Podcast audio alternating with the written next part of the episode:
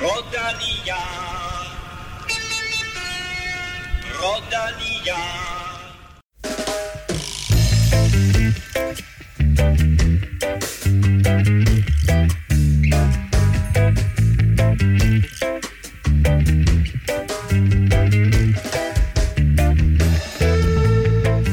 Det er jo lidt crazy at byde velkommen til en cykelpodcast, og så ikke have nogle cykelløb at tale om.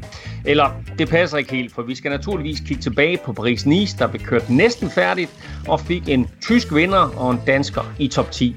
Men øh, vi ved af naturlige årsager ikke helt, hvornår sæsonen genoptages, og hvilke løb, der endegyldigt er aflyst, og hvilke der afvikles på et senere tidspunkt. Så øh, det er sådan lidt en øh, intermistisk øh, op, øh, udgave af Velropa Podcast, du lytter til i dag. Og øh, med det, så velkommen til mine to faste fremtidsforskere, Stefan Djurhus og Kim Plesner, nu med via Skype. Fordi øh, vi har jo også taget vores corona-forbehold.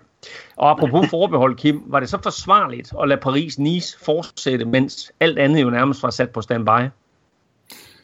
Ja, man kan sige, på det tidspunkt, øh, hvor løbet sluttede, var, var alt jo teknisk set ikke på standby i Frankrig. Der, der, der begyndte de at lave de der anbefalinger med, at forsamlinger på mere end 100 mennesker måtte ikke øh, finde sted, og, og, og, og jeg tror sådan, teoretisk set, så var de vel heller ikke meget mere end 100 i feltet, der var tilbage til sidst, så, så, så det kunne måske godt sådan forsvares af arrangørerne, men det virkede bare lidt underligt, at, øh, at man sad sådan ligesom og så på det, mens at, at hele Europa lukkede ned, og de blev bare ved med at køre videre, det, det, det må jeg indrømme, men men på den anden side, så spillede de også øh, faldskærmstennis over i en, et lille stævne over i England øh, med, med dansk deltagelse og danske tilskuere, så, så det var ikke kun der, øh, der var sportsbegivenhed. Og, og, og, og øh, en, en dansk vinder også og i det der faldskærmstennis, ja. bedre, bedre kendt som badminton. Stor tillykke til Victor Axelsen, der som det sidste, inden han øh, gik i øh, coronakarantæne, øh, lige vandt All England, så en super, super flot præstation af ham.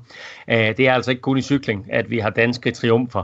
Uh, og mens der blev kørt uh, cykelløb i Frankrig, så var der nærmest udgangsforbud i resten af Europa, uh, ikke mindst i Spanien, hvor man får bøder for at bevæge sig ud på gaden og for at cykle på gaden. Uh, men Stefan, du bor jo på Amager, så der er I jo vant til det der med udgangsforbud.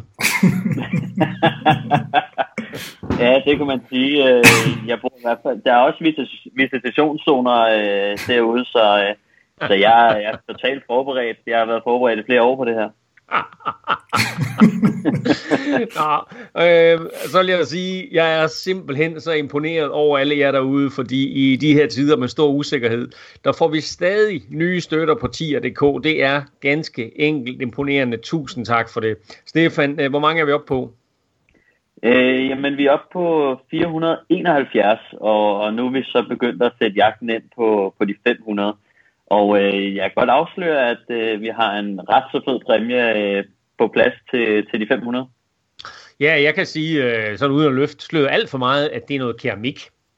Uh. Øh, så tak til alle jer, der støtter, og sidder du derude og synes om det, du hører, så hop lige ind forbi tier.dk og støt os. Øh, du finder os i alle dine yndlingspodcasts til både iPhone og Android, og uanset hvor du lytter, så vil vi sætte pris på både stjerner og en anmeldelse. Det hjælper os nemlig med øh, at komme ud til endnu flere cykelfans. Og så må du også meget gerne følge os på Twitter og Instagram på Snablag Europa og på facebook.com Velropa, så går du nemlig aldrig glip af det seneste fra cykelverdenen. Mit navn er Claus Elming, og du lytter til Velropa Podcast. Da vi gik hver til City sidste uge, der førte Maximilian Schachmann Paris-Nice og Søren Krav lå toer med Mads Wirt Schmidt stadig i top 10. Og det var efter fire etaper, inklusiv onsdagens enkeltstart, hvor Søren Krav jo som bekendt meget, meget flot vandt. Femte etape torsdag var fra Ghana til La Côte Saint-André, og det var årets længste på 227 km. Alligevel så blev etappen først afgjort på de sidste 50 meter. Slovenske Jan Tratnik var tæt på at spolere sprinternes fest, da han kom alene til mål, men i modsætning til Kasper Askren i Kørne, så holdt han ikke det jagtende felt bag sig. Han kunne vel nærmest røre ved målstregen, da han blev hentet, og så vandt Nicolo Bonafaccio på en uimodståelig spurt. Det her, det var en klassisk lige ved og næsten, og Stefan, så synd for en hårdt kæmpende trætnik. Ja, det, det synes jeg, det var. Øh, han havde ligget derude i, i lang tid, selvom de har kæmpet meget for, for at komme i udbrud, og, og han holder til, til det aller, aller sidste. Øh, kørte jo fra sine tre øh, kompagnoner øh, lidt udefra, og jeg tror, han bliver 13. på etappen faktisk, så altså, det er øh, til aller, aller, aller sidst, at han bliver, øh, han bliver hentet. Øh, Tratnik er jo en, en, en sjov person, som øh, han er jo 30 år nu, men øh, gjorde sin øh, debut på, på World Touren sidste år, så, så han er lidt en, øh, en, en gammel ny komet, der, der er kommet ind, og, og han viser virkelig, øh, at han er dygtig både til at, til at køre enkeltstart, men også til at, til at klatre lidt, trods at han, øh, han faktisk ser lidt øh, småputtet ud, øh, som, som der også var nogen, der, øh, der kommenterede lidt på, øh, på Twitter, så jeg. Øh, men, men man, kan ikke tage, man kan ikke tage det fra ham. Han, han kører altså som en motorcykel, øh, når han kommer ud alene. Og øh, vel blevet inspireret af al den anden succes, som øh, slovensk cykling har haft i øjeblikket. Så altså endnu en slovener. Og når nu Roglic han meldte fra, så var det jo godt, at vi trods alt havde en slovener. Der var meget, meget tæt på at vinde den her etape. Men han blev altså snydt til allersidst, og øh, Nicola Bonifacio, han vandt burden øh, i overlegen stil jo et, øh, foran Ivan Garcia Cortina, som jeg så kun må kalde Ivan Garcia fra nu af, øh, og så Peter Sagan. Øh, og Kim, øh, Total øh, Direkt Energi, som de hedder nu, øh, de havde faktisk ikke vundet en World Tour sejr i to år, men så kom den altså her. Ja, man kan sige, det, det er ikke hver dag, og de er heller ikke et, øh, et World Tour hold, men, øh, men, men meget sigende for dem har jo været deres, øh, deres eneste to sejre indtil videre. Øh, inden, inden sejren i Paris-Nice, det var en, øh, en sejr i La Tropicale Amisa Bongo, som jo øh, navnemæssigt nok ja, det har du glædt dig til at sige. Det, det er mit umiddelbare favoritløb på hele sæsonen. Og navne, Hvor ligger det øh, Afrika, tror jeg. Ja, det gættede jeg også på. Øh, og så, så du... Saudi-tur var den anden sejr, ikke? Øh, og, og, og så kan man jo selv regne ud hurtigt, hvad for en, der har været den største sejr over for det hold. Øh, men, men det er jo det er jo bygget på fundamentet af, af det gamle Europcar, som de fleste jo kendt med, med, med Thomas Vögler og, og Pierre Roland. Øh, og så har de lavet en satsning nu med at hente Niki Terpstra til holdet, og, og har også øh, Lilian Kalmachan som et, øh, som et relativt stort navn. Øh, men, øh, det er ham, men, du kalder noget andet, ikke? Call Me Jane. det er ikke, jeg ved ikke, om jeg er den eneste, der gør det, men, øh, men de Æh, har... Men, men ja. jo lidt sjovt, det der med Europcar, fordi det må jeg da indrømme, det havde jeg glemt, at, øh, at det, der er totalt direkte energi nu, det var det tidligere Europcar, og de hed så direkte energi, inden øh, det her franske Total, de kommer og overtog. Total, der også øh, har købt det del af Mærsk jo. Øh, og hvis jeg så ikke tager meget fejl, så er det jo faktisk, øh, så kan det spores helt tilbage til det gamle Castorama-hold jo. Det hed i hvert fald, øh, hvad hed det, Bonjour hed det også, og det hed, ja, det hed Bonjour, det Boulang, Boulanger, øh, et eller andet, Brioche, eller hvad fanden det var, det hed. ja, nu, Boulanger og Brioche, alt muligt mad fra Frankrig. Er Stefan? La Boulanger, det kan jeg da huske, jeg var nede og se Tour de France det år, de hed det, tror jeg. Sådan. Sådan, jamen det er det hold, Stefan. Nu ved ja. du det. Jamen det, det, det er noget Se, hvad man kan lære af Europa podcast. ja. Ja. Æh, inden opløbet her, der øh, forsøgte det Kønig Quickstep først at sende Julian Alaphilippe afsted, og så bagefter Bob Jungels og Kasper Askren, øh, der kørte kontra sammen med øh, Jasper Støjven, Pelle Bilbao og Niklas Arndt. Uh, og så reagerede den førende Max Schachmann pludselig med en øh, forsering her, Stefan. Hvad skete der helt præcis der? Øh, jamen, det, det så jo faktisk lidt fjollet ud, fordi at øh, der var som sådan ikke rigtig nogen trussel i det samlede klassement. Jeg tror, det var Jasper Støjven, der var bedste mand, som var 1.28 efter. Øh, og, og det så bare lidt sjovt ud af Max Schachmann. Sådan, han gik alene frem og, og prøvede at trække dem ind og, og panikkede lidt. Øh, og, og det var der som sådan ikke nogen grund til, øh, i og med, at, at Støjven han ikke er den at bedste klatrer sammenlignet med Schachmann, og de første angreb med, med 10 km tilbage, så men jeg tror, at det der skete, det var, at, øh, at, at han, øh, han havde ikke nogen holdkammerater omkring sig, øh, hvilket er den første fejl. Og, og, øh, og dernæst øh, tror jeg, at han tog, tog lidt fejl af, øh, hvad hedder det, øh, af Niklas Arndt, som jo kører for Sunweb. Og jeg tror, at Schachmann har fået at vide, at han skulle holde meget øje med Tisbenor og Søren Krav, øh, som jo øh, lå, lå ret godt til på det tidspunkt i hvert fald, øh, gjorde Søren Krav også. Øh, og det er, jo, det er jo nogle gange det, der sker øh, i, i, i sådan virvar af, af angreb og, og rygnummer, som, som man glemmer. Øh, så, så jeg tror bare, han blev fanget af, af forvirringen, og, og så bare så bare tonset efter øh, selv.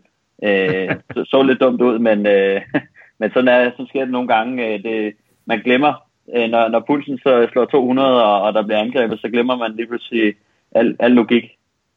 Så er det altså dobbelt ærgerligt at hente ham og så opdage, at det hverken var Tisbenol eller en Krav.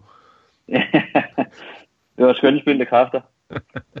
øh, apropos stærke danskere, så må vi bare sige, at Kasper Askren, han ser vanvittigt stærk ud.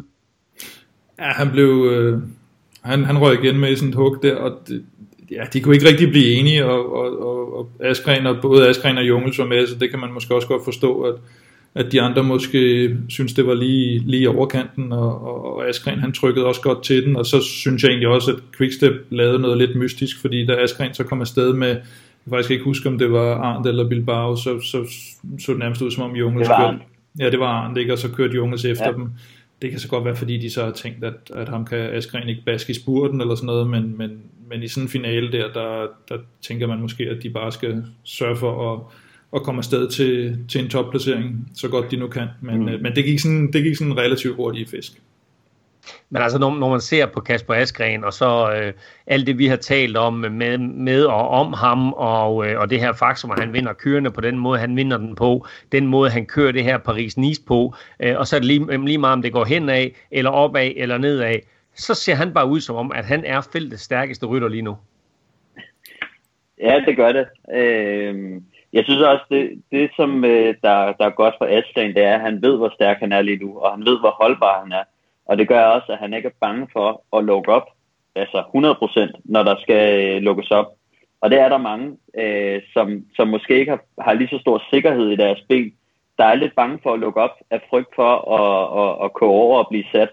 Øh, men der har Askren bare øh, selv, øh, selvtilliden i orden, og han ved, at uanset hvad han øh, nærmest gør, så bliver han ikke sat. Øh, så, så, så det er også en del af, når, når de kommer ud i sådan en udbrud, så kan han bare lukke op 100%. Øh, og og det, det er altså ikke alle, der, der tør gøre det. En, der ikke kommer til at lukke op lige forløbet, det er EF's Michael Woods, for øh, etappen blev nemlig hans forløbigt sidste cykelløb. Han styrede undervejs og måtte udgå fra løbet med et brækket lårben. Om lidt skal vi tale meget mere Paris-Nice, men først der skal vi øh, for første gang nogensinde have skudt en Skype-quiz i gang. Så jeg kan jo simpelthen ikke sidde og holde øje mere. Øhm, jeg kan godt se Kim, men jeg kan ikke se uh, Stefan, så, uh, så jeg, kan se, at du ikke, jeg kan se, at du ikke googler Kim. Ja. Men uh, det bliver også svært for jer at google jer frem til det her. Det kræver i hvert fald lidt research. Men uh, lad os lige så slå fast. Uh, det står 2-2, fordi uh, ingen af jer uh, ramte rigtigt i uh, sidste uge. Uh, eller det vil sige, Kim ramte en rigtigt, men uh, den, den endelige, den der kunne bragt en af spidsen, var der ikke nogen af jer, der ramte. Så dermed altså 2-2, og øh, serveretten ligger hos Stefan. Yes. Godt. Vi kommer tilbage til svaret senere, men spørgsmålet i dag er øh, selvfølgelig affødt af alt det her corona-halløj. Øh, der er en del aflysninger, det vender vi tilbage til øh, senere i udsendelsen her. Men det betyder også, at Flandern rundt og Milano Sanremo begge to indtil videre er aflyst. Hvilket år plus minus 2, det for at give jer sådan lidt leverage, ikke? Hvilket år plus minus 2 var sidste gang, at Flandern rundt og Milano Sanremo ikke blev kørt i samme år? Okay. Det er dagens spørgsmål, og der skal I måske bruge sådan lidt logik til, hvad kunne årsagen være, etc. etc. Øhm, og der er kun et spørg- der er kun én øh, regel her, øh, selvom vi er på Skype, og det er Kim Plesner, Stefan Djurhus og alle jer, der sidder og lytter med derude, du må ikke google. Fredagens 6. etape i Paris-Nice øh, var fra Sorg til Ab øh, og bød på en øh, stribe stigninger og endnu en flot dag på cyklen for Søren Krav. Med 40 km til mål, der kørte han væk fra feltet op til en lille gruppe med blandt andet øh, Roman Bardet, og det var faktisk igen et angreb fra danskeren på førertrøjen, og øh, en efter en, der sled han de andre i gruppen op. Og meget bemærkelsesværdigt, synes jeg, så øh, satte han Roman Bardet på den næst sidste stigning. Og desværre så holdt han solorit ikke, men øh, den katapulterede dog øh, holdkammerat Tis Benota sejr, der kørte op til Søren, og derfra kom alene til mål. En meget, meget flot sejr for Beno og for Sunweb, og vel nærmest lidt af en magtdemonstration. Ja, det, det synes jeg virkelig øh, på, på en meget hård øh, teknisk, øh, eller hvad hedder det, kuperet dag med, med meget vind. Øh, de får jo placeret øh, Niklas Sandt op i, i morgenudbruddet sammen med øh, i Roman Bardet-gruppen der. Øh, og det, de, de holdt jo sådan rimelig langt, men, men da de så sender Søren afsted i et, i et solohug med, med 40 km til mål, der kunne man virkelig se, at øh, Bora og Quickstep, de, øh, de blev nødt til at, at, at sætte jagten øh, ind for alvor, og, og de, øh, de blev brugt rimelig godt op på, øh, på, på at sidde og jagte Søren, men, øh, men Sunweb var, var, var dog ikke helt færdig, fordi at øh, mens Søren lå derude, så, øh, så angreb øh, Vincenzo Nibali faktisk, og øh, Tisbeno han kørte, han kørte så med og, og kørte fra øh, Vincenzo Nibali og øh, de her to svækkede mandskaber, Bora og Quickstep, der var, der var lidt i knæ og, og havde brugt mange kræfter øh, hele dagen. Og øh, som, som Søren fik hjælp af, af Nika Sarnt øh, et, et øjeblik, så fik øh, Tisbeno også øh, hjælp af Søren Krav øh, et par føringer, og, og fik skudt Tisbeno af øh, hjem, hjem og, og vinde etappen. Øh, og for at gøre det endnu vildere, så, øh, så havde de også Michael Matthews, øh, som sad i, i frontgruppen, øh, der jagtede Tisbeno, og han blev toer på etappen, så, øh, så de havde virkelig styr på det hele, og, og deres plan B fungerede også, selvom deres plan A også øh, fungerede fint. Øh, og, altså plan A og, og plan B, øh, det, det, det så ud som om det her, det simpelthen bare var timet og tilrettelagt. Stefan, når, når du sidder og ser sådan en etape som det her, var det der, var det meningen, Niklas Arndt er sted først, Søren derefter, Tisbe nu op til Søren, og så alene til mål? Altså, kan man planlægge det så udførligt? Ja, det, det, det er helt sikkert planen at, at køre det i de steps. Man ved selvfølgelig aldrig, holder gruppen hjem med Niklas Arndt. Øh, så, så det kan man jo ikke vide, om uh, Bora og Quickstep lader dem køre. Jeg tror, Bora de havde mest tanke på klassementet, og øh, Quickstep havde lidt mere øje på etappesejren, og det var derfor, de hjalp ad man kan selvfølgelig aldrig vide det, men, øh, men man kunne godt se, at, at, at Sunweb, de havde, øh, de havde en, en plan klar, og, og, og normalvis så, så angriber man jo først, når man er ved at hente udbruddet, men, øh, men det, det sked de høj, højt og heldigt på, øh, da de sendte øh, Søren afsted, ikke? Øh, så, så deres plan har helt sikkert været, at de skulle bare have Bora øh, til at arbejde og få dem ned i knæ, for, øh, for at kunne tro føretrøjen. Og, og jeg tror, at det her det var mere eller mindre, som, som de havde forestillet sig, at det, at det ville blive. Det var, det var meget, meget flot. Altså, vi har jo selvfølgelig tit set, at man sætter en, en mand ud foran, og så får ens klassementsfavorit måske til at køre op til ham. Men det her med ligesom at lave det som en trætrinsraket, øh, det, var, det var ganske enkelt fantastisk udført af Sunweb, og gav så fuld bonus, både i form af, af etabesejren, og så også Matthews øh, spurt der i, øh, i anden gruppe. Øh, det anden gruppe kommer ind, der øh, opstår der noget forvirring, fordi den førende Maximilian Schachmann, han øh, kommer ind sådan med halv trillende nogle sekunder efter de andre, øh, og Kim, det kom der så en øh, forklaring på øh, visuelt et øh, ganske kort tid efter. Ja, han, øh, han, gav den lige, han gav den lige lidt rigeligt i det sidste sving, og, og styrter ind i en mur, og, og tager kæden, og, og kommer, kommer lidt efter ind men øh, bliver så reddet øh, og får, får, får samme tid som de andre, øh, fordi det sker inden for de sidste 3 km. Jamen altså, nu, nu er jeg nødt til at spørge, hvad er det for noget pis? Altså, det her, det her, det her, det er jo ikke en, det her, det er jo ikke en spurt, der sker, fordi øh, der er en, en, eller ikke, ikke et styrt, der sker, fordi der er en masse spurt. Det her, det er ham, der simpelthen kommer for hurtigt ind i et sving, og så kører ind i et hegn. Det er hans egen skyld. Hvorfor skal han så godskrive sekunder? Som jeg forstår og læser reglerne, eller har forstået det i hvert fald, så er det, at, øh, at når der er en 3 km regel, og det er så næsten det, man mest skal diskutere her i forhold til, om det var en, for det nogle gange så siger man, at det her det er en bjergetap, så er der ikke en 3 km regel. Øh, men der har man så valgt at sige, at der er 3 km regel på den her etape, og som jeg forstår det, så er det altså alle former for styrt inden for 3 km, der, der bliver talt med her, og derfor fik han, øh, fik han godskrevet tid.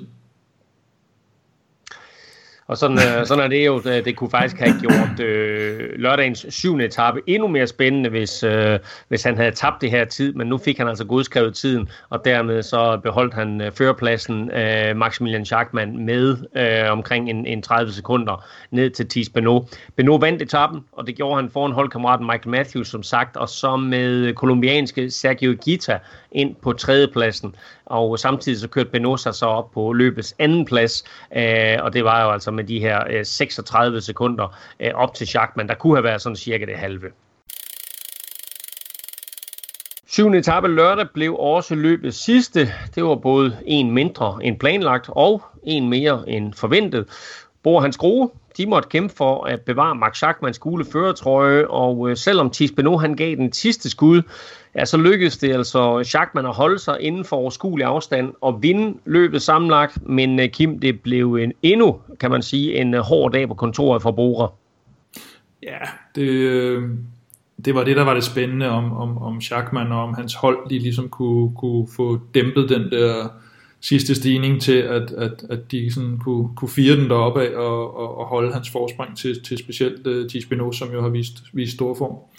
Og så så det godt stykke tid ud, som om, at det lidt skulle blive det der to løb i løbet, hvor øh, Thomas de Gent og, øh, og Alaphilippe, de, øh, de var de stærkeste ude foran og kører også ind på den sidste stigning med et, med et nogenlunde fornuftigt forspring, og, og de Gent, han ser, han ser virkelig stærk ud. Han sætter Alaphilippe for jul, hvilket selvfølgelig siger noget om, at han er stærk, men også siger noget om det, vi har snakket om sidste gang også, at, at, at Alaphilippe er ikke lige helt der, hvor han var sidste forår.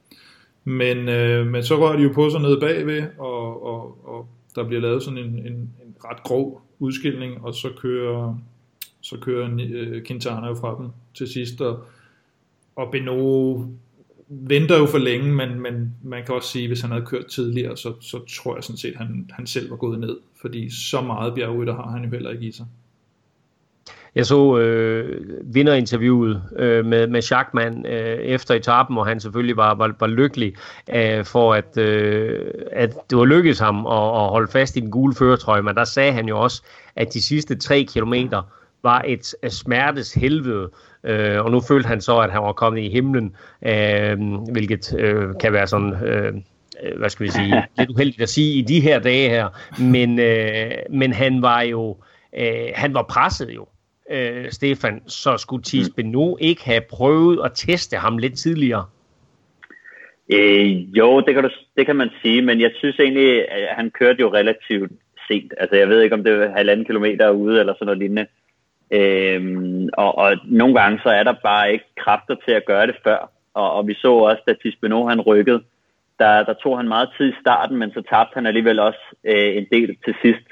Så han, øh, han både kørte hurtigt væk, men tabte så også øh, tid mod slutningen. Så, så jeg tror ikke, der var så meget mere at hente. Så skulle det i hvert fald så skulle det have været længere udefra. Øh, men i og med, at der ikke var så mange stigninger før, så havde det nok været svært. Øh, jeg synes, at Sunweb kører et, et, et rigtig godt øh, cykelløb faktisk. Øh, der, der, det er svært at, at sætte fingre på noget. Øh, så skulle det lige være, øh, at, at, at Tispano ikke var med øh, på, på den første etape. Øh, men, men man ser virkelig, hvordan at de formår at sætte Bora i knæ, og, og jeg synes også markant er det, at Bora, som det så så flot ud, øh, de havde jo Felix Groschartner øh, på tredjepladsen, Øh, og det blev de jo nødt til at sætte over styr efter øh, Sunweb, de, de satte dem under pres på, på femte etape og øh, eller hvad hedder det, 6. etape og 7. etape. Øh, så, så, så Groschartner røg, røg ned på en 9. plads. Øh, de kunne potentielt have fået to mand på podiet, men måtte jo, måtte jo øh, mod, øh, mod deres egen vilje i hvert fald ofre den, den, den, den, den sidste mand øh, på, øh, på at, at, at trække Sunweb ind øh, og, og, og deltage i føringsarbejdet for, for ikke at miste grebet fuldstændigt. Og dermed så øh, lykkedes det altså Schachmann at vinde, det vender vi tilbage til, altså løbet samlet, det vender vi tilbage til lige om lidt. Men etappen her blev øh, vundet af Nairo Cantana øh, nærmest i det øjeblik, at den her lille frontgruppe ramte 4 km mærket, så stak han af, og så må vi sige, at han har fundet sit gamle jeg, og han har fundet et eller andet, han godt kan lide øh, hos Akea Samsik. ja, ja, det kan man sige. Ja, han har været øh, for nu at sige det mildt, øh, overbevisende i de løb, han har kørt, og det har været i Frankrig. Han har, det er jo på hjemmebanen for, for holdet, han har, har lavet de her store resultater, og de fleste husker jo endnu hans, øh, hans, hans hurtige fart op af, af Mont Ventoux, eller i hvert fald halvvejs op. Og, øh, og det, det lå lidt i kortene, han var favoritten, vi havde også selv peget på ham, og, øh, og, men så alligevel undervejs i løbet, så har han været lidt uheldig, og det vil sige, han kunne kun komme til at køre med etappesejren der, det, det var for urealistisk at, og køre om den samlede sejr selvfølgelig, og, og, og så lå man måske og, og tænkte lidt på, om det skulle være Igita, der kunne, der kunne spænde ben for ham, men, men han kunne slet ikke følge ham på, på den sidste stigning, selvom det, selvom det var den, der, den steg med, hvad var det, 6,3% i snit, så, så er han simpelthen bare i for god form. Nairo Quintana vandt løbets afsluttende etape. Det blev altså den syvende etape, altså en mindre end oprindeligt planlagt. Han var ganske overlegen i mål øh, som en sikker vinder, og øh, bagefter ham ja, der kom faktisk en velkørende Thies Pinot, og så med franskmanden Thibaut Pinot ind på tredjepladsen. Inden vi runder Paris-Nice af, så vil vi lige sige tak til de nu 471 lyttere, der støtter os på tier.dk. Tusind tak til alle. I er med til at holde Velropa podcast i luften. I sidste uge, der kom vi jo af med øh, den her Matti Pakke 2, og øh, opfordrede jeg lyttere til at komme med en præmie, som vi kan udløde ved de magiske 500. Og øh, Kim, jeg skal da i den grad love for, at vi har fået en vild præmie. Ja, der var, der var nogen, der, der bed til bolle, er det ikke det, man siger? Det jeg ikke, jeg Hvad hedder det? Jo, vi havde øh, den, øh, den, den første og den bedste, kan man sige, der, der meldte tilbage. Det var, det var som det, det relativt store danske firma Ceramic Speed, som øh, simpelthen smed sådan et helt øh, oversized pulley wheel system og en, øh, en UFO-kæde i, i, øh, i puljen, og man kan få indgraveret både hashtag Velropa-effekten og sit eget navn, og, og hele muligheden koster op i nærheden af 5.000 kroner. Så den, wow, valgte vi der, den valgte vi der at sige, øh, den, den skal en af vores øh, lytter der have, have glæde af. Fantastisk. Hold da op, det er en vild præmie. Uh, og når du siger Ceramic Speed, så tænker jeg en eller anden vase, man kan kaste med meget hurtigt. Men uh, Stefan, det er vist noget andet, det drejer sig om. det er en kælervase, tror jeg, du tænker på. ja, Ja, men øh, faktisk, øh, nu, nu har jeg jo kørt på rival øh, Ceramic Speed, som det hed dengang, hvor vi jo var oppe i det, og der fandt jeg ud af, at øh, ham, der har startet Ceramic Speed i et tidernes morgen, han, øh, han kørte på rulleskøjter, og det er, øh, det er noget med, at han, han lavede sin egen øh, keramiske lejer til sin rulleskøjter og satte en øh, verdensrekord i, øh, i, i 24 timers øh, øh, rulleskøjt. rulleskøjt? Øh, Ja, nej, hvad hedder det? Det hedder speed skating, sådan noget. Eller, øh, jeg gør det ikke det? Speed skating på rulleskøjter. Ja. Men, øh, så det, det har også en lidt, en lidt sjov start. Øh, men de laver altså, et, et af de store ben i virksomheden er jo at lave øh, keramiske lejer og de her pullehjul til, til cykler. Og øh, det er jo faktisk ikke, det, det er jo sjovt, at folk ikke har fundet ud af det før, men øh, når man ser på kæden øh, rundt om pullehjulene, så er der jo en ret skarp vinkel på de her. Og det er jo det, som, øh, som Ceramic Speed, de, øh, de, de laver de her oversized pullehjul, som gør, at, at øh, vinklerne og øh, den måde, som, som kæden bliver øh, drejet på, den, der har ikke, den bliver ikke bøjet lige så meget, og det gør, at øh, det mindsker friktionen. Så der er mindre friktion, øh, når man kører med større pullehjul. Øh, og det er jo det, som, som de gør øh, super godt. Og samtidig så har de også puttet deres øh, keramiske kuglelejer i de her øh, i de her pullehjul.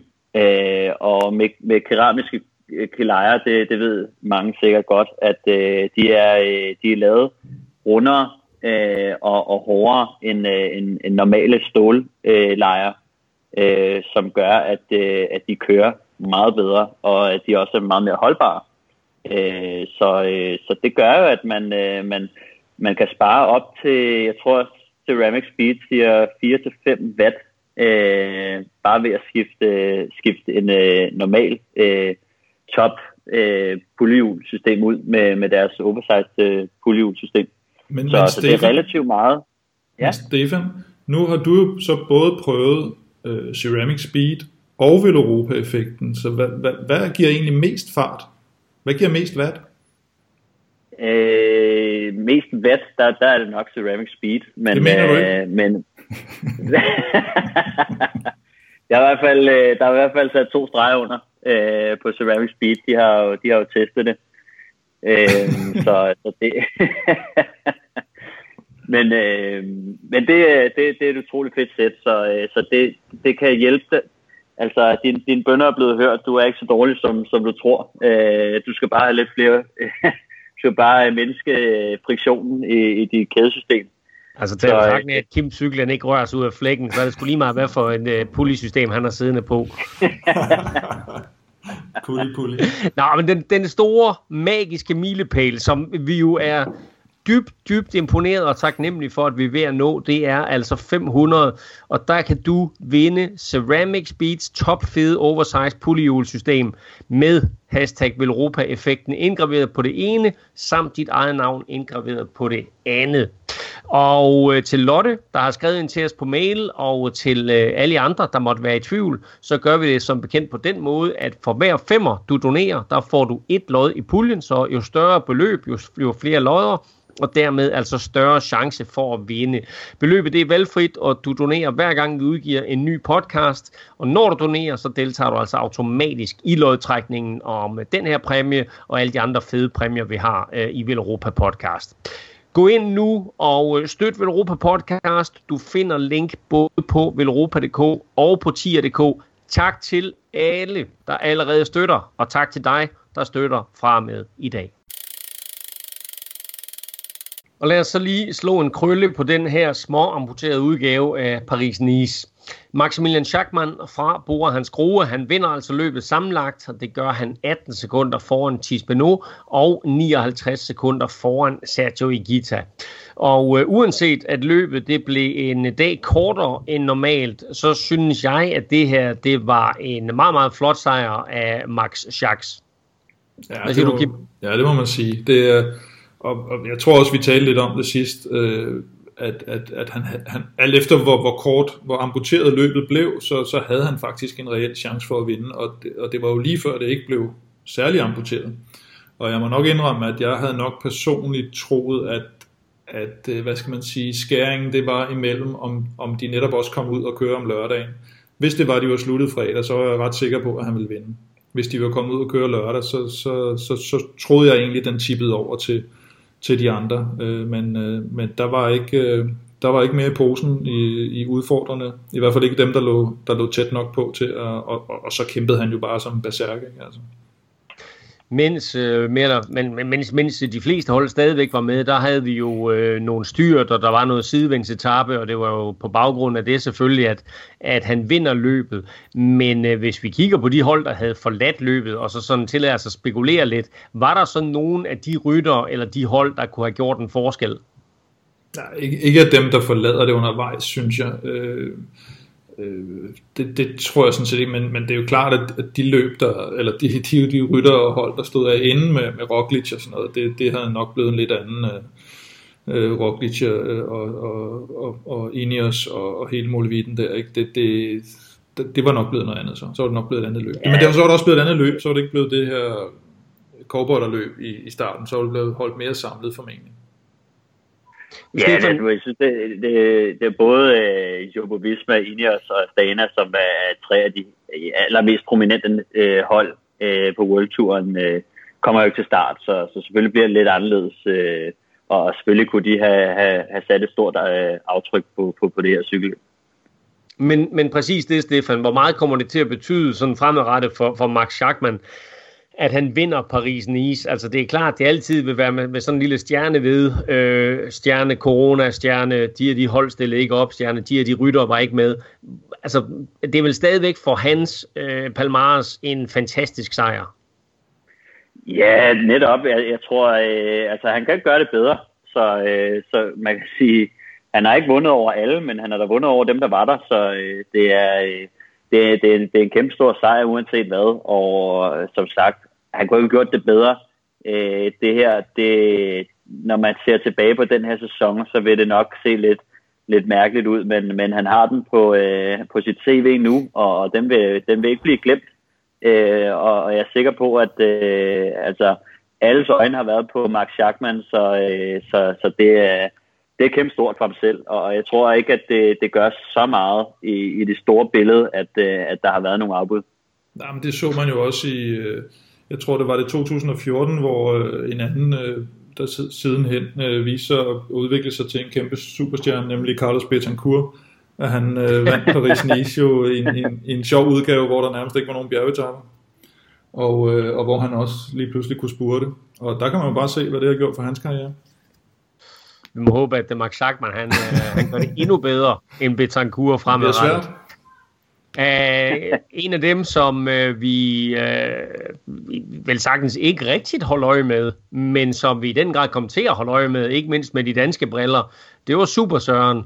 Fordi øh, et, så vinder han øh, enkeltstarten undervejs her, og øh, to, så øh, kører han en, en fremragende 6. etape og, og øh, sørger for, at, at holdkammerat Tisbeno vinder den 6. etape. Og på 7. etape, øh, der bliver han sat, da det er allerstejlest, men kæmper sig i mål på en bjergetappe. Han kommer ind to minutter efter vinderen, og kører faktisk fra så mange, at han sikrer sig en samlet top 10 placering. Kim, sikke en uge for Dan, hele Danmarks Søren Krav. ja, det er det. Det er fuldstændig korrekt, og vi har jo også set tidligere, øh, at, at, at, at netop i bjergene, der, der hænger han egentlig ret godt med, øh, i forhold til, at man jo selvfølgelig stadigvæk betragter ham som en, som en klassikerrytter. Og, øh, og, og der har han tidligere øh, lavet gode indsatser også for, for Dumoulin, som jeg husker det. Og det, det bliver en, øh, det bliver en væsentlig rolle, også fordi netop fordi Dumoulin har forladt det her hold, så både Søren Krav, men selvfølgelig specielt Tis Beno, er jo nødt til på en eller anden måde også at, at lige træde et, et skridt op, når det handler om, øh, måske specielt i de her ugelange etabeløb i, i, i Grand Tours, der, der bliver det svært at komme helt op. Ikke? Men, men, øh, men det stiller nogle, nogle større krav til, til alsidighed med, med, med det hold, de har nu. Større krav til Søren Krav.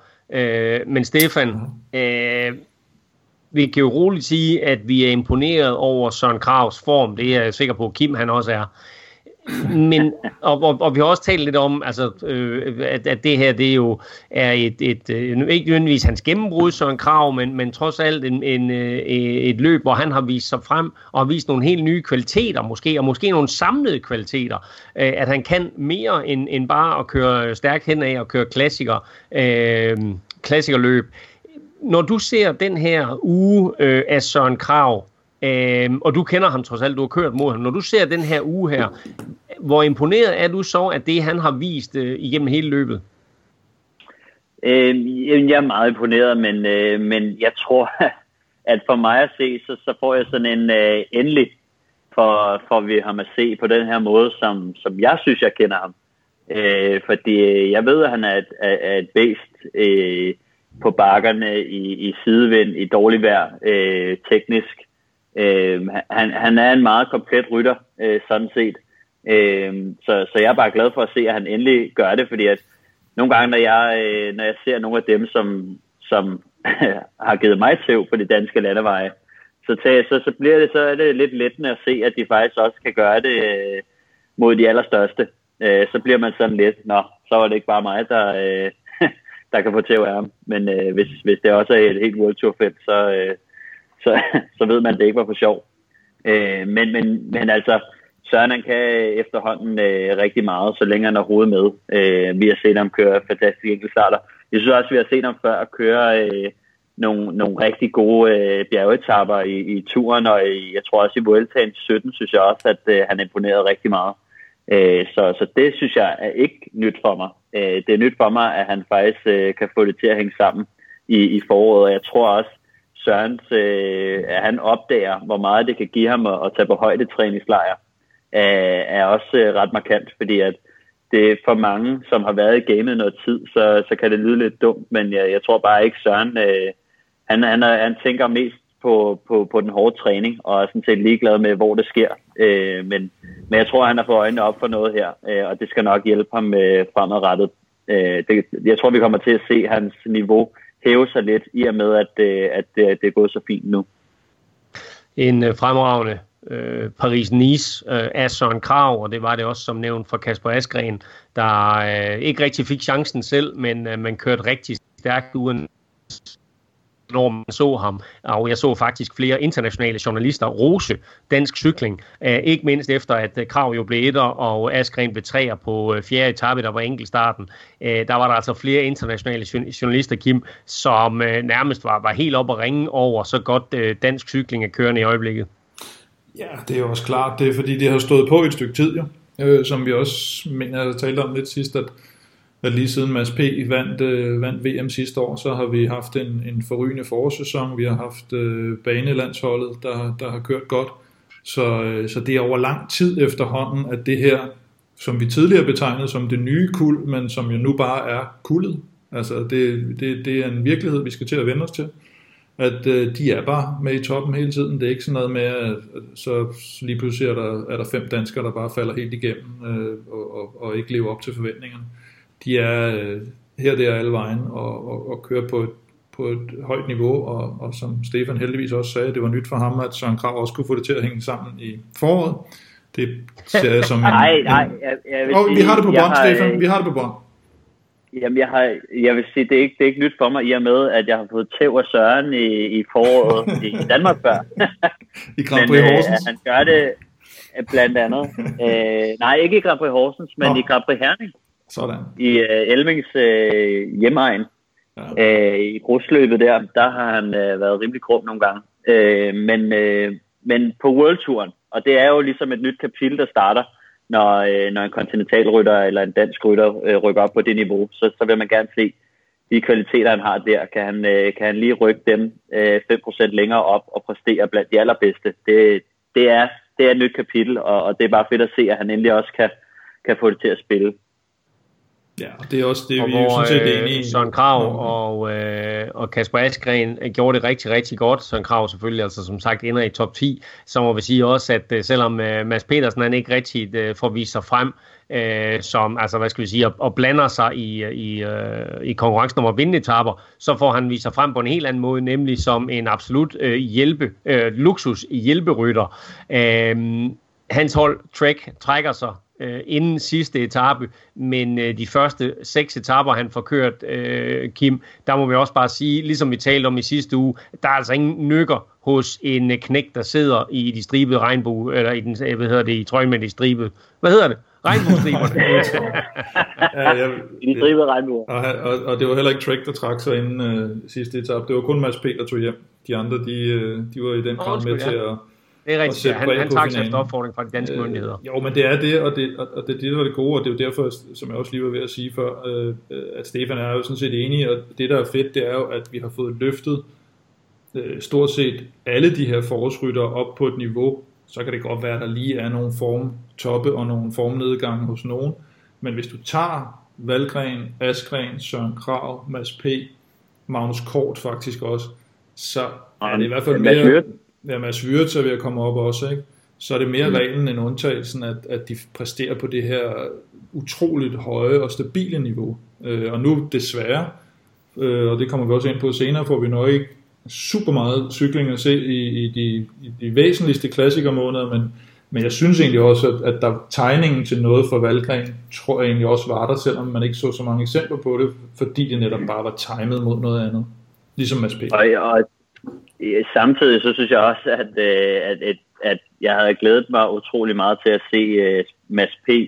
Uh, netop efter uh, den måde, han har kørt Paris-Nice, hvor han i start, lige i starten, der var vi lidt i tvivl om, han faktisk var der, men så viste han, at han i den grad var der og, og var den største maskine i, i sidevindsetapperne uh, der. Mm. Han, har, han, har, han har virkelig brugt Paris-Nice som et træningsløb og fået max ud af det uh, og imponeret så, øh, så jeg har faktisk glædet mig til at se, hvad han kunne gøre i, i de her, øh, i de her øh, brostensløb, specielt øh, Paris-Roubaix. Øh, men det er ikke sikkert, at vi får det at se. Øh, men, men jeg vil bare sige, at det, det så ud til, at han var på, på vej til at, at, at kunne lave noget, noget rigtig stort.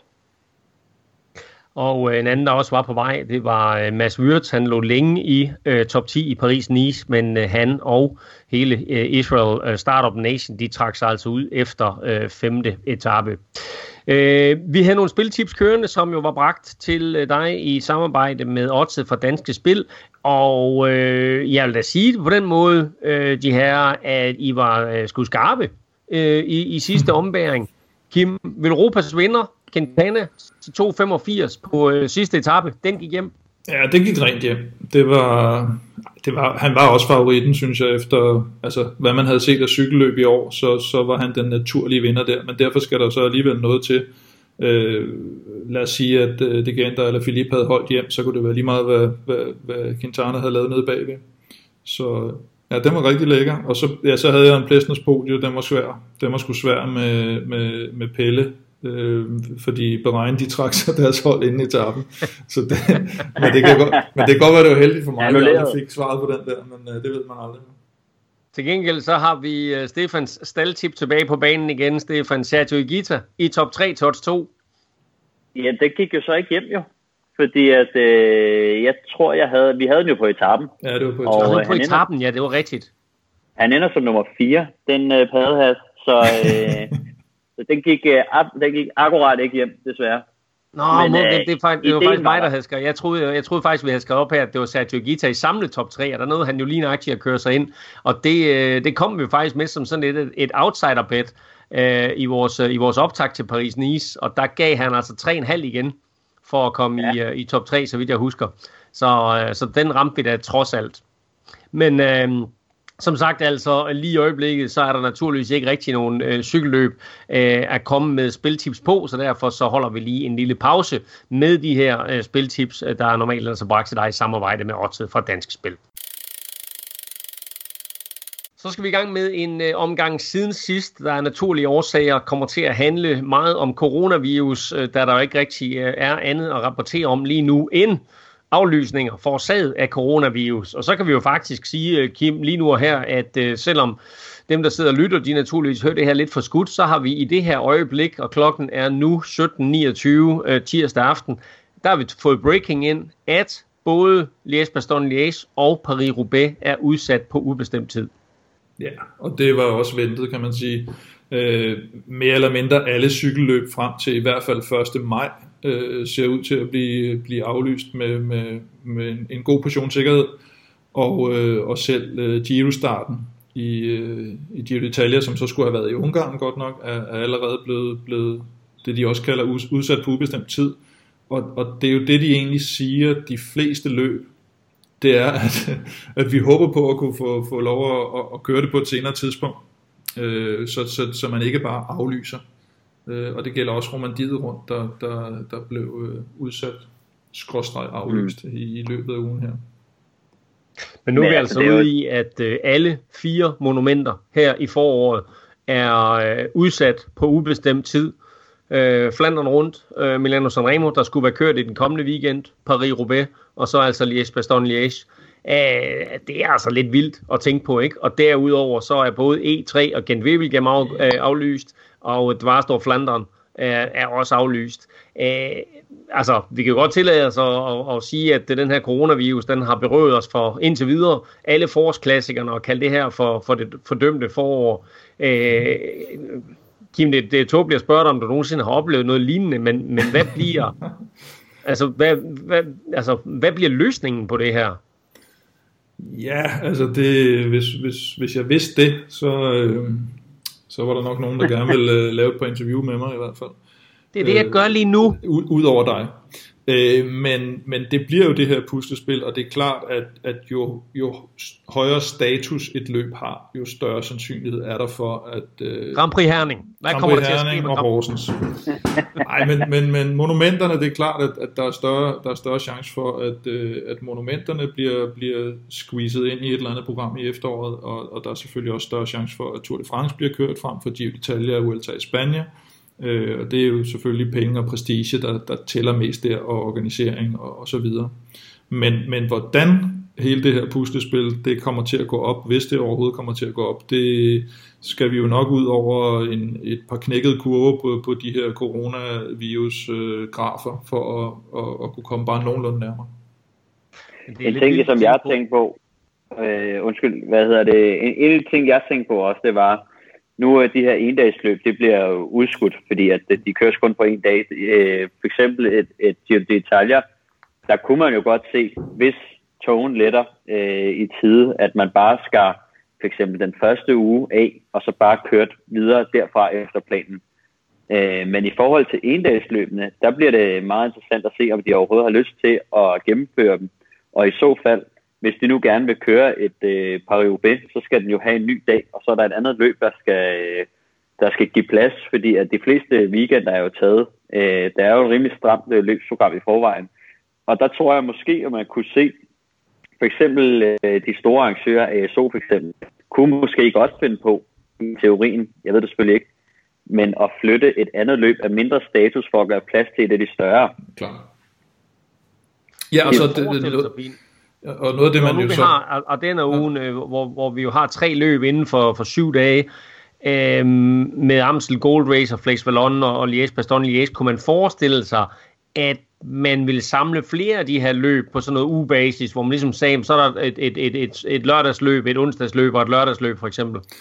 Ja, det kunne, godt være en, det kunne selvfølgelig godt være en løsning, men der skal stadigvæk skubbes nogle, nogle mindre løb ud af, af kalenderen, eller også skal man lave det sideløbende med, og, og så er der selvfølgelig nogle af øh, de mindre løb, der så ikke får, øh, får, får samme øh, hold til start, øh, og så kommer de til at lide lidt af det. Og noget andet, man selvfølgelig også skal tænke på, det er, hvordan det vil være at se et øh, Flandern rundt blive kørt i øh, august måned for eksempel. Ikke? Øh, det er jo en forårsklassiker, ja. Øh, og, og, og har jo normalt det vejr, det har. Øh, eller i hvert fald nogenlunde. Øh, man er ikke vant til, at øh, et Flandern rundt bliver kørt i 35 grader for eksempel. Det er jo et, et andet cykelløb. ASO, øh, skulle, så, så kunne ASO også bare gøre det lede ved, ved ACS Sport og, øh, og arrangere deres klassikere i maj måned. ja, så vil de i hvert fald tvinge øh, det hele over i to. Ja, men der er også, jeg, jeg mener også, der er den, at du kan, ikke, du kan ikke bare placere din cykelløb sådan ved det USI, det er den sidste ende skal, skal hvad hedder det, godkende kalenderen. Så, så, så, det er klart. så mere kan de heller ikke. Det er, det er klart, men, øh, men i den her situation, øh, der er det jo lidt, øh, lidt anderledes. Og så er det jo øh, også kommet frem i dag, at øh, EM i fodbold bliver aflyst, og øh, en lille sidehistorie der er, at øh, Åke Harreide øh, træder tilbage med omgående virkning. Øh, men det betyder jo så også, at der ikke er hele den her store fodboldturnering øh, i juni måned, og hvis, øh, hvis coronaen øh, har, har, øh, altså, er, er, ligesom er kommet videre med, med det, og at, øh, at mere eller mindre hele Europa kan erklæres rask, så har vi altså juni måned til at få kørt cykelløb i også, øh, hvor der jo ellers øh, ligesom selvfølgelig har, har, har skulle været en normal pause mellem Giroen og, og, og turen, men der er altså i hvert fald de første øh, tre uger af, af juni til eventuelt at, at få afviklet nogle af de her løb her. Ja, så må vi bare invitere nogle, nogle færre rytter til start. Ja, men nu nævnte du lige kort før øh, en, en mulig løsning med, med Giroen, Stefan, at, at man måske skar det ned til 14 dage. Øh, Kim, Giroen den er jo blevet udskudt, udskudt øh, forløb, og den risikerer altså helt at blive aflyst. Men et er jo, hvordan det står til øh, i Italien, hvor øh, det jo øh, mildt sagt øh, går knap så godt. Øh, men så er der yderligere udfordringer, fordi løbet efter planen skulle have startet i Ungarn i år. Ja, men den, er, den plan den er så skudt ned, og den, den ungarske jeg ved ikke rigtigt, om det hedder ministerpræsident, eller hvad det hedder derovre, det kan, det kan jeg ikke på stående fod huske, men, øh, men han har allerede sagt, at det, det kommer ikke til at ske. Så, øh, så den er allerede øh, skudt ned, og, øh, og, og så, så hvis det bliver Giro, så bliver det i hjemlandet. Øh, og, og som du siger, det, det er selvfølgelig hårdt medtaget allerede nu, og, øh, og noget andet synes jeg også, man kan tænke på, og som jeg også har set en, en del kommentarer til, det er både for ryttere og for, for fans, det er sådan, hvordan hvad er mulighederne for at træne for alle de her ryttere? Altså i Spanien nu har vi jo den med, at øh, der, må, der må professionelle cykelrytter heller ikke træne, ligesom alle mulige andre ikke må tage ud og køre på deres cykel. De får simpelthen bøder af politiet, bliver bedt om at holde sig indendør. I Italien må professionelle ryttere gerne cykle. Det er der så nogle politifolk, der ikke rigtig ved, at loven faktisk er sådan, så de giver dem alligevel bøder. Og så har du, så så jeg også, hvem fanden var det, der spurgte om, men hvad så nu her, når al lufttrafikken er også øh, stanset? Så nu er der jo frit slag, altså med doping. Hvordan fanden skal alle øh, antidopingfolkene komme rundt og teste øh, rytterne her i, i den her lange periode? Øh, hvis de har fået hamstret godt med, med medicamenter, kan de så ikke bare sidde i en, i en måned eller to og bare fyre på? Ikke? Og hvad skulle Jamen, det, det så? er så træls med dem, der hamstrer i øjeblikket. Ja, det er det faktisk. Ja, øh, hvor må de føle sig dumme, når der, når der kommer varer på hylderne igen. Altså, så har man, øh, så har man 40 pakker toiletpapir derhjemme, og så, øh, så står der, øh, så er der lige pakket op i netto igen. Jeg vil sige, der er, relativt, der, øh, der er relativt meget toiletpapir i min lokale netto i øjeblikket i hvert fald. jeg, ved, jeg, ved, jeg ved ikke, hvor vi, hvordan vi bevæger os derhen, Nej. men øh, vi kan bare sige, at øh, der er en, en masse løb, som allerede er aflyst, øh, eller i hvert fald indtil videre sat på standby. Vi har det her store tre ugers løb til sommer, som uanset hvordan man vender og drejer det, bare er større end alt andet. Kim, hvad er de seneste meldinger omkring Tour de France? Jamen altså, det, vi så jo Christian Prudhomme, øh, som øh, ASO, chefen for ASO, som også arrangerer Paris-Nice, at, at de går helt til grænsen for, hvad der er teknisk og lovligt muligt i, i Frankrig. Og, og det kommer de også til at gøre, hvad angår Tour de France. Fordi, øh, hvad hedder det, øh, altså Tour de France er jo en, en, en national institution. Øh, det, det er noget, som, som øh, befolkningen dernede følger med i på, på en måde, som hvis ikke man har været nede og se det, man måske ikke engang kan forstå øh, øh, i, i Danmark og i mange andre lande. Øh, men, men det er klart, at det kan, det kan jo simpelthen ikke, øh, altså det kan ikke øh, gennemføres, hvis restriktionerne er, som de for eksempel er nu, eller bare øh, var for et par dage siden. Så de er jo selvfølgelig afhængige af, af, af regeringens udmeldinger, og, øh, og, og som det, altså de ting, man har hørt fra rundt omkring, og, og, og hvor, hvor meget der, hvor langt fremme man er med, med, med coronavirus i de forskellige lande, så, så er det jo nok i hvert fald der, vi skal hen, før der er bare et håb om, at, øh, at der kan gennemføres noget. Øh, og, og, og om, om, de, om det så, og så en anden ting der, om det er fysisk muligt nærmest at rykke så stor en maskine som Tour de France, ikke? altså at rykke det en måned eller to. Jamen det, det kan du ikke, det, det, det, det, det kan tror jeg ikke, du kan, fordi du kommer i karambolage med OL jo.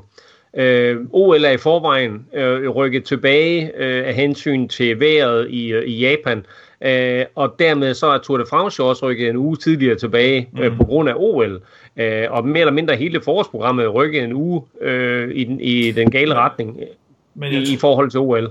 Ja, men jeg tror bare, at, at i den situation, vi er i nu, så tror jeg sådan noget som sideløbende sportsarrangementer, det tror jeg sådan set ikke er, er det store uh, issue for nogen. Jeg tror sagtens, at Tour de France de kunne leve med, og, og altså hvis, hvis, uh, hvis valget står mellem at have et, et Tour de France, mens der er OL, eller ikke at have noget Tour de France, så er jeg ret sikker på, at jeg ved, hvad om han vælger. Men jeg har altså, også det... en... Øh, øh, undskyld, hvad vil du sige noget? Nej, kom bare, Stefan. Øh, nej, men det var også, øh, nu skal jeg lige samle op på, på Titoen, som, øh, der er jo ham her i, i Ungarn, øh, Viktor Orbán, som jo er øh, premierministeren, øh, som er øh, sådan lidt højere nationalistisk og er kendt for ikke rigtigt at give en fuck, når det kommer til sådan noget. Og øh, Titoen har jo sagt, at de ikke kommenterer på noget før den øh, 3. april. Øh, så de er ligesom gået i stillhed, og jeg tror stadig, de håber på, at, øh, at togen letter til den tid, og de kan annoncere, at det starter. Skulle det ikke blive øh, afholdt, Giroen, så ser vi også frem til et kæmpe brag af, af et Tour de France show. Så, øh, så de appelsiner, de ryger lige ned i turbanden på, øh, på Prudhomme, som, øh, som jo så kan få et, øh, et endnu mere øh, eksklusivt Tour de France. Med for eksempel også en, en, en Jakob Fuglsang og, øh, og alle stjernerne øh, til stede der. Det er klart, at det er, det, det, det er selvfølgelig noget, der er værd at holde øje med også, men altså øh, hele udfordringen er selvfølgelig, hvornår øh, Tour de France kan afholdes. Øh, det vi ser i Kina i øjeblikket, det er jo, at, at, øh, at, at virusen selvfølgelig er aftagende, og hvis vi prøver at regne lidt tilbage, så er det cirka fire måneder fra det første tilfælde, øh, der omkring øh, start øh, december, øh, at, øh, at, at, øh, at det første tilfælde blev registreret i Kina. Og hvis så prøver at regne frem, jamen, altså, så kommer det til at passe nogenlunde med starten af Tour de France, og så er spørgsmålet, om man overhovedet tør satse på, øh, at, at man, kan, man, man kan afholde det, fordi Kim, altså, man er jo nødt til at tage en beslutning i hvert fald, altså som minimum da en måned før starten, om man vil holde fast i, i, den, øh, i den normale startdato. Ja, under normale omstændigheder, så ville man nok, men, men øh, som vi også kan se med alle mulige andre ting i, i samfundet, så, øh, så ser det ud som om, at, at, at beslutninger i øjeblikket, de tages sådan, nærmest fra time til time, ikke? Og man så også med, med, med Paris-Nice, at, øh, at der var det fra dag til dag, at man ligesom gik og sagde, okay, vi, vi fortsætter nok den der dag, eller vi, vi kører nok hele vejen igennem, men ah, vi dropper så lige søndagen, men vi gør sådan, og folk sagde, ah, I kan da ikke køre videre, jo, det gør vi alligevel. Så, så det bliver altså, hvis stadig man er sådan op på de, på de store tangenter med det her, så, så, bliver ja, det sådan noget, man kan, så kan man bare ikke sige, at der er de der regler mere. Og der er også flere aspekter i at for eksempel at flytte Tour de France. Altså i, i første omgang, så tænker jeg også, at, at de fleste cykelrytter vil nok tage Tour de France over et uh, endagsløb OL. Uh, det vil de fleste cykelhold i hvert fald gøre, men så er der jo også problemet omkring uh, sendetider og, og alt muligt andet. Altså, der er vel mange problemer. Uh, nu spørger jeg lidt åbent til, til begge Altså, der er mange problemer i forhold til at flytte så stort et arrangement. Hvad for et af dem snakker du om nu? At flytte OL eller at flytte Tour de France? At flytte Tour de France, så det måske rammer lidt ind i, i noget OL. Jeg tror simpelthen ikke på, at de kommer til at lave en Tour de France oven i OL. Og Kim, så ved jeg godt, at du siger, at bryde om dit og bryde om dat. Jeg tror simpelthen ikke på det. Nej, det er selvfølgelig ikke deres første prioritet, og det, det, men, men, men er, det, er det sidste udvej, eller hvad skal man sige, og de kan gøre det sådan, at, at Tour de France så ikke går oven i, øh, i OL-cykelløbet måske, så, så, så tror jeg sgu ikke, vi skal udelukke det. Men kan man, øh, kan man forestille sig, at der bliver kørt et OL, øh, og så øh, mere eller mindre, øh, så snart det OL øh, det er overstået, det er jo vel at mærke, som jeg lige husker det faktisk, på anden dagen, af, øh, af OL, at øh, der bliver kørt linjeløb. Så man, man kunne jo principielt øh, starte en, en uge inde i OL, og, øh, og, så, og så starte Tour de France der og komme i gang øh, i starten af august, for det er afviklet, og så måske skubbe Vueltaen i, i 14 dage eller noget i den retning. Ja, der kan man i hvert fald sige, at ASO har jo også en ejerandel i Vueltaen, så, så den får de nok øh, ikke så svært ved at forhandle sig, forhandle sig frem til. Men, men Tour de France er jo også bare, altså ud over for, for ASO selv, hvor det jo selvfølgelig er flagskibet, så er det også for alle øh, holdene og sponsorerne. Altså det er så væsentligt for holdets sponsorer, at de har købt ind på eksponeringen under Tour de France. Det er det, de betaler hovedparten af alle deres penge til i World Tour holdene. Øh, og, og Tour de France giver så meget mere eksponering end samtlige andre løb til sammen nærmest, at, at det, det er den største katastrofe, hvis ikke holdende sponsorer kommer med der, hvis ikke Tour de France får det afviklet, så, så, så de vil strække sig rigtig langt, men er selvfølgelig begrænset af, af myndighedernes udmeldinger. I Danmark, der er det jo nærmest en øh, sommerbeskæftigelse at følge med i Tour de France. Hvor vigtigt er det for ASO at få afviklet Tour de France i de her normale sommeruger kontra at lægge det for eksempel i august? Ja, nu vil, hvis man har været i Frankrig i august, så vil jeg også godt være med til at kalde det for en sommermåned. Øh, der, der, ja, men jeg tænker, jeg tænker mere på, at der, der er mange, der har fri, der er mange, der følger med, der er mange, der har ferie, som kan tage ud og se Tour de France netop fordi de har ferie pludselig så kommer du ind i august. Der er ikke mange danskere, der har ferie der. Der er ikke Nå. mange, der sætter sig ned foran fjernsyn på samme måde. Der er ikke mange, der tager til Frankrig på samme måde for at se cykelløb, som de vil gøre. Nej, det er klart. Altså, I Nordeuropa har vi jo noget tidligere sommerferie, end de typisk har nede sydpå, for der har de jo, der har de jo så her, der har de jo, øh, de har ferie hele tiden. ja, de, ej, der har de jo netop i, i mere i august, end de, end de har i juli, øh, i hvert fald nogle steder. Så jeg tror, internt i Frankrig kommer det nok ikke til at få, få den helt store, men, men det er klart for danskere, der, der skal følge med, der, der, bliver det ikke, der bliver det nok ikke helt det samme. Ja, jeg sidder og kigger på, øh, på, på, på datorerne. Altså turen, den, øh, den står til at starte 27. juni til 19. juli. Og, øh, og OL, det, øh, det skulle gerne starte fra den 25. juli til, og så tror jeg, at herrenes øh, linjeløb køres øh, den 29. juli så, så der er ikke meget at give af. Altså, der, der, der, der er kun øh, seks dage øh, til, til, ja, fra, fra, fra turen skulle slutte til OL starter. Præcis. Øhm, og derfor så, så er det også øh, problematisk at begynde at skubbe turen øh, bare en uge eller to. Enten så skal man skubbe den helt forbi OL, øh, eller i hvert fald til efterlinjeløbet. Øh, det der med at begynde at, at skubbe den en uge på nuværende tidspunkt, det, det virker som nærmest umuligt. Prydom ord omkring Tour de France var, han er hopeful about the tour, eller hopeful about the tour, som han nu siger. Vi, øh, vi kan ikke sige andet, end at øh, vi må vente og se, hvad der sker. Og så skal vi heldigvis til noget lidt mere løsluppent, nemlig afgørelsen i quizzen. Stefan, du har serveretten, det står 2-2, og spørgsmålet var, øh, i hvilket år var sidste gang, at hverken Flandern rundt eller Milano Sanremo blev kørt. Og øh, ja. jeg var så lidt sindig at give plus minus to år, så du kan altså vinde quizzen ved at ramme inden for to år. Så Stefan, i hvilket år blev Milano Sanremo og Flandern rundt ikke afviklet? Nogle af dem. Altså ikke bare, ja. et af dem ikke blev afviklet, men begge. Hvornår blev begge sidst ikke afviklet? Giver det mening? Er det, er det korrekt formuleret? Ja, ja, det giver fin mening. Jeg vil sige, det er, altså, jeg er lidt ærgerlig over, at jeg ikke får en, en, en, en 5-6 år. Øh, så, så der er selvfølgelig et lille sats i og med, at jeg går med noget 2. verdenskrig, øh, det er klart. Øh, og øh, plus minus to år, så bliver jeg nødt til at vælge, hvilken øh, ende. Jeg, jeg tror, jeg tager øh, 1945. 19, jeg, tager, jeg, jeg tager 1945, det vil være, det vil være fedt. Det være 1945, det, ja. er et, øh, det er et fremragende bud. Det er et fremragende bud. Du har ikke helt taget starten af, 2. verdenskrig med, Nej, men, øh, men du har slutningen af 2. verdenskrig, og så kommer vi Jamen, til jeg tænkte også på, om jeg, skulle, om jeg skulle sige 43 eller 44, bare lige for ja, at tænke nu har, du, nu har du sagt 45. Ja, men jeg holder også ved det. Ja, okay. Det er godt. Nå. Øh, ja. Så siger jeg 1916. Uh. Øh, og 1916 er også et fremragende gæt. Øh, hvorfor siger du 1916? Det er fordi, jeg tror, at det var sidste gang, at uh, Milano Sanremo og Flandern rundt ikke blev kørt samtidig. Hvad, hvad, hvad får dig til at sige det? Øh, jamen, nu ved jeg bare, at jeg er tabt. Altså, når du begynder at spørge. det ved jeg. jeg ved det faktisk ikke. Jeg ved det faktisk ikke. Jeg, jeg, jeg synes bare, det var noget med første verdenskrig og ikke anden verdenskrig.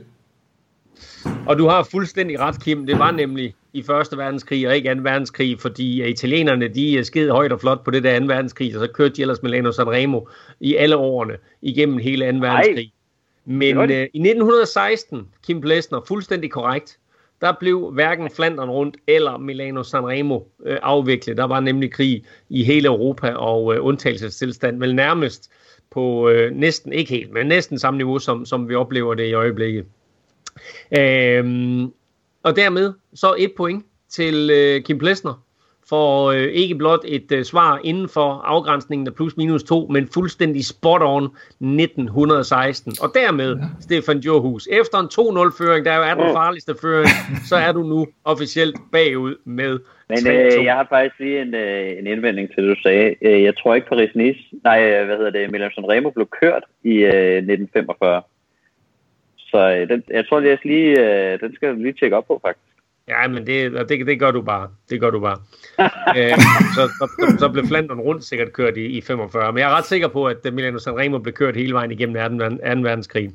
Æ, anyway, øh, hvis du vil være 100% sikker på at få alle de sparsomme cykelnyheder, der kommer i øjeblikket, så skal du huske at følge os på de sociale medier. Og øh, her der må jeg altså lige slå et slag for øh, Velropas Facebook-side.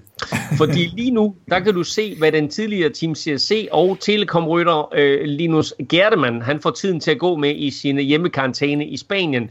Øh, og jeg vil sige, har du ikke set den video, så skal du altså gå ind og se den. Jeg tror, jeg så den 10 gange i går, og jeg blev ved med at se nye ting i den, og jeg skreg af grin. Øh, så øh, tak til Kim for at have lagt den op på Velropas Facebook-side. Gå ind og se den der, og der kan du samtidig også finde lidt inspiration til, hvilke gamle legendariske cykelløb du skal lede efter på YouTube, hvis du skulle komme til at kede dig i de næste par dage eller uger. Kim kan du følge på øh, Facebook, Twitter og Instagram samme sted, som du følger Velropa, nemlig på Snablag Velropa, og Stefan finder du på Twitter på øh, snablag Stefan Djurhus. Undertegnet finder du alle steder på snablag NFLming. Tak til herrer for god ro orden i dag. Vel, tak. Øh, selv tak hedder det. tak for nu til øh, dig derude. Tak fordi du lyttede med på øh, Genhør. Og så må vi sige, at vi er opfuld, at, at vi er snart er vender tilbage i øh, din podcast-enhed med en ny udgave af Velropa podcast på Genhør. Bye.